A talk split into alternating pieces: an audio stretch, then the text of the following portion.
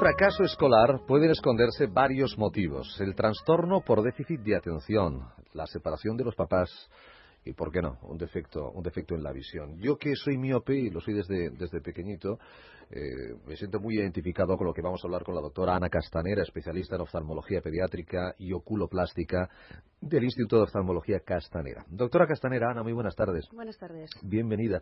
Digo que me siento tremendamente identificado porque a mí, si algún día las gafas pues me fallaban y tal, y estaba en la quinta o sexta fila, yo de la pizarra no me enteraba de, la, de la misa a la media, como dicen en Madrid, de la misa a la mitad, como, como decimos aquí. Sí, sí. Y detrás de eso se puede esconder un fracaso escolar. No Sí, porque el niño sea vago, no porque el niño, sino porque el niño no ve. Sí, sí, sí.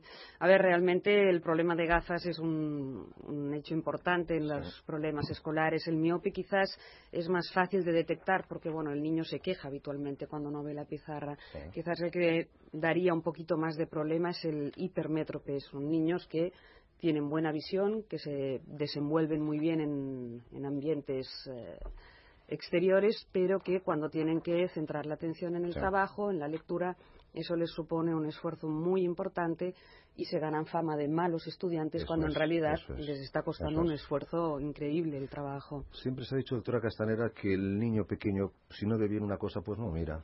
Y, y- y se pone a mirar otra cosa que sí ve bien. Claro. Eh, los padres, eh, cuando tenemos un niño pequeño, pues intentamos saber si ve bien, si oye, le damos la palmadita para ver si el niño reacciona. Pero siempre es un profesional el que nos ha de decir si el niño ve o no ve, el niño o la niña. ¿Cuándo debemos llevar a un niño al oftalmólogo por primera vez? Aunque en principio los padres digan, no, el chico ve, vamos, porque coge las cosas bien, porque se- Claro. se, acerca a la televisión, etcétera. En principio normal, pero hay que ir Mm, al oftalmólogo, ¿no? En- sí, en general se aconseja todos los niños eh, tienen que tener una revisión hecha alrededor de los cuatro años. Correcto. Evidentemente, en aquellos casos en que hay antecedentes familiares de miopías, altas hipermetropías, estrabismo, ojo gandul, toda esta serie de patologías, pues se aconseja incluso a los dos años hacer ya un primer screening.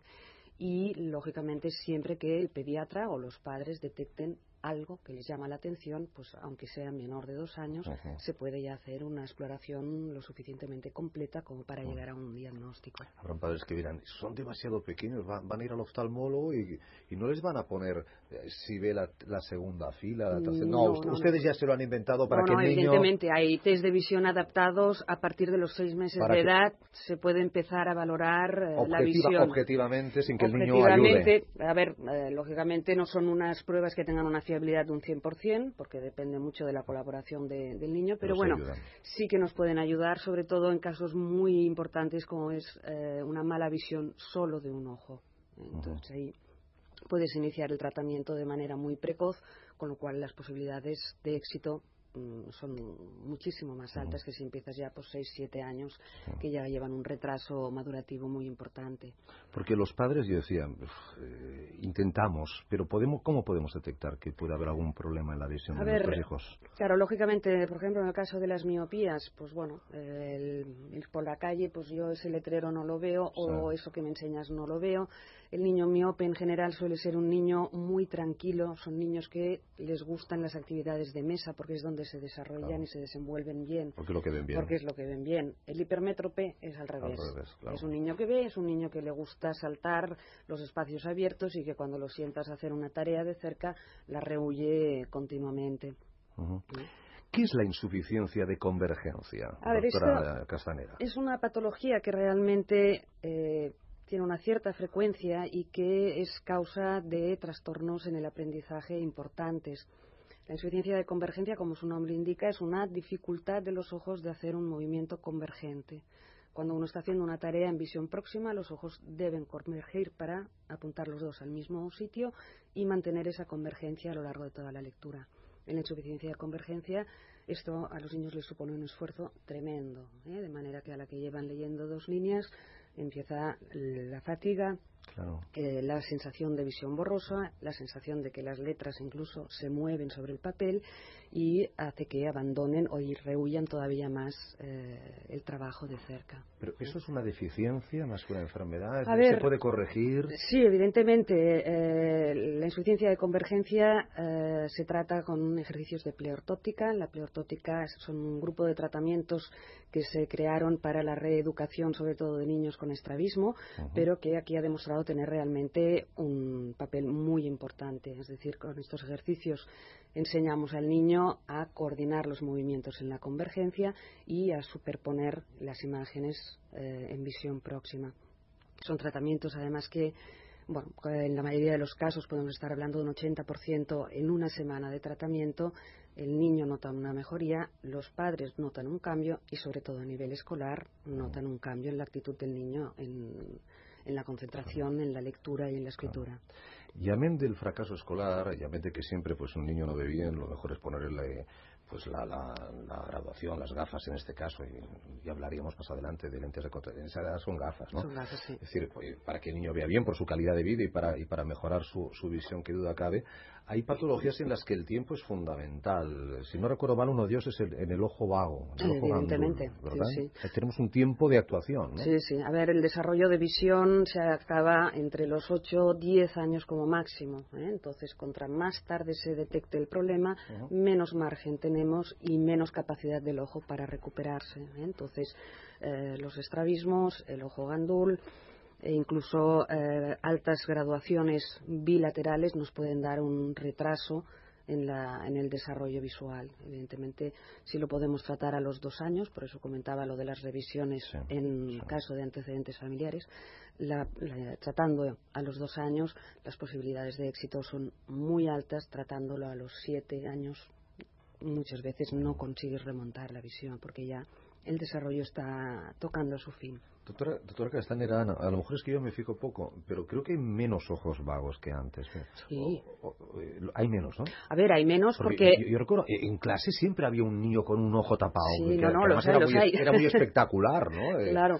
No, no, y los hay todavía, pero afortunadamente, y ahí tenemos que dar gracias a los pediatras, eh, remiten a los niños en edades muy tempranas, con lo cual muchas veces no hace falta siquiera llegar al parche. Corrige su defecto con sus gafitas, corrige su estrabismo y el desarrollo de visión se hace sin ningún tipo de problema. ¿Alguna de todas estas técnicas o todas estas problemáticas que ha comentado, las técnicas, requieren la cirugía, doctora Castanera? A ver, evidentemente hay causas de ojo gandul o de déficit de visión que son quirúrgicas y normalmente requieren una cirugía precoz. El caso quizás más habitual sea el estrabismo. Mientras los ojos no estén alineados, el desarrollo de visión se va a hacer mal. Podemos conseguir un 100% cada ojo a base de parches, pero lo que no vamos a tener jamás será una visión binocular. Esto sería una causa para corregir precozmente. Otras causas, lógicamente, como la catarata congénita, glaucomas congénitos, opacidades corneales, todo esto son patologías que eh, provocan unos retrasos visuales eh, muy, muy importantes y requieren una cirugía precoz. Eh, Ana, es que esto lo, decía mi madre y se me, ha quedado en la... hay padres que no llevan a sus hijos al, al, oftalmólogo por si le dicen hay que poner gafas. Todavía hay madres, abuelas, padres que dicen, ay, a mi hijo, o a mi hija, con lo guapo y lo guapa que es gafas, no, por Dios. Sí, sí, sigue existiendo. Sigue existiendo. Sigue existiendo. Hay pues, veces pues, que el disgusto es más para los padres pues, que para el propio ¿qué niño. ¿Qué usted, esa madre, además de decir que hoy, en día hay unas gafas monísimas y preciosas? Sí, sí, Vamos, que está la salud de, su No, no, evidentemente ¿no? es un problema de estética, es un problema de que o se corrige el problema que tiene o luego en la edad adulta no va a ver bien porque después ya llegamos tarde para poder ayudarle. Entonces hay que mentalizarse de que es una enfermedad y que su tratamiento son las gafas. Y que si llegan pues del colegio con unas notas que no son todo lo que quisiéramos o la maestra nos llama la atención de que hay mucha distracción podría ser de los ojos.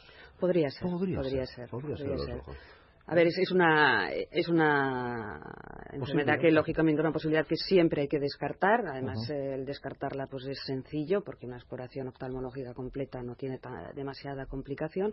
Y bueno, muchas veces evitamos a los padres e incluso al niño un calvario de pruebas y de test y de exploraciones cuando el problema no estaba allí, sino que estaba pues en una insuficiencia de convergencia, en un problema de una hipermetropía que no se ha corregido o un problema por el estilo.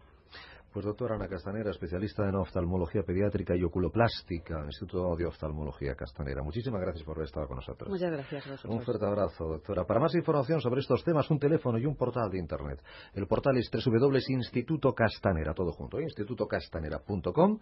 Le recuerdo que están en Vía Augusta 2022 y el teléfono de contacto es el 932173704. 932173704.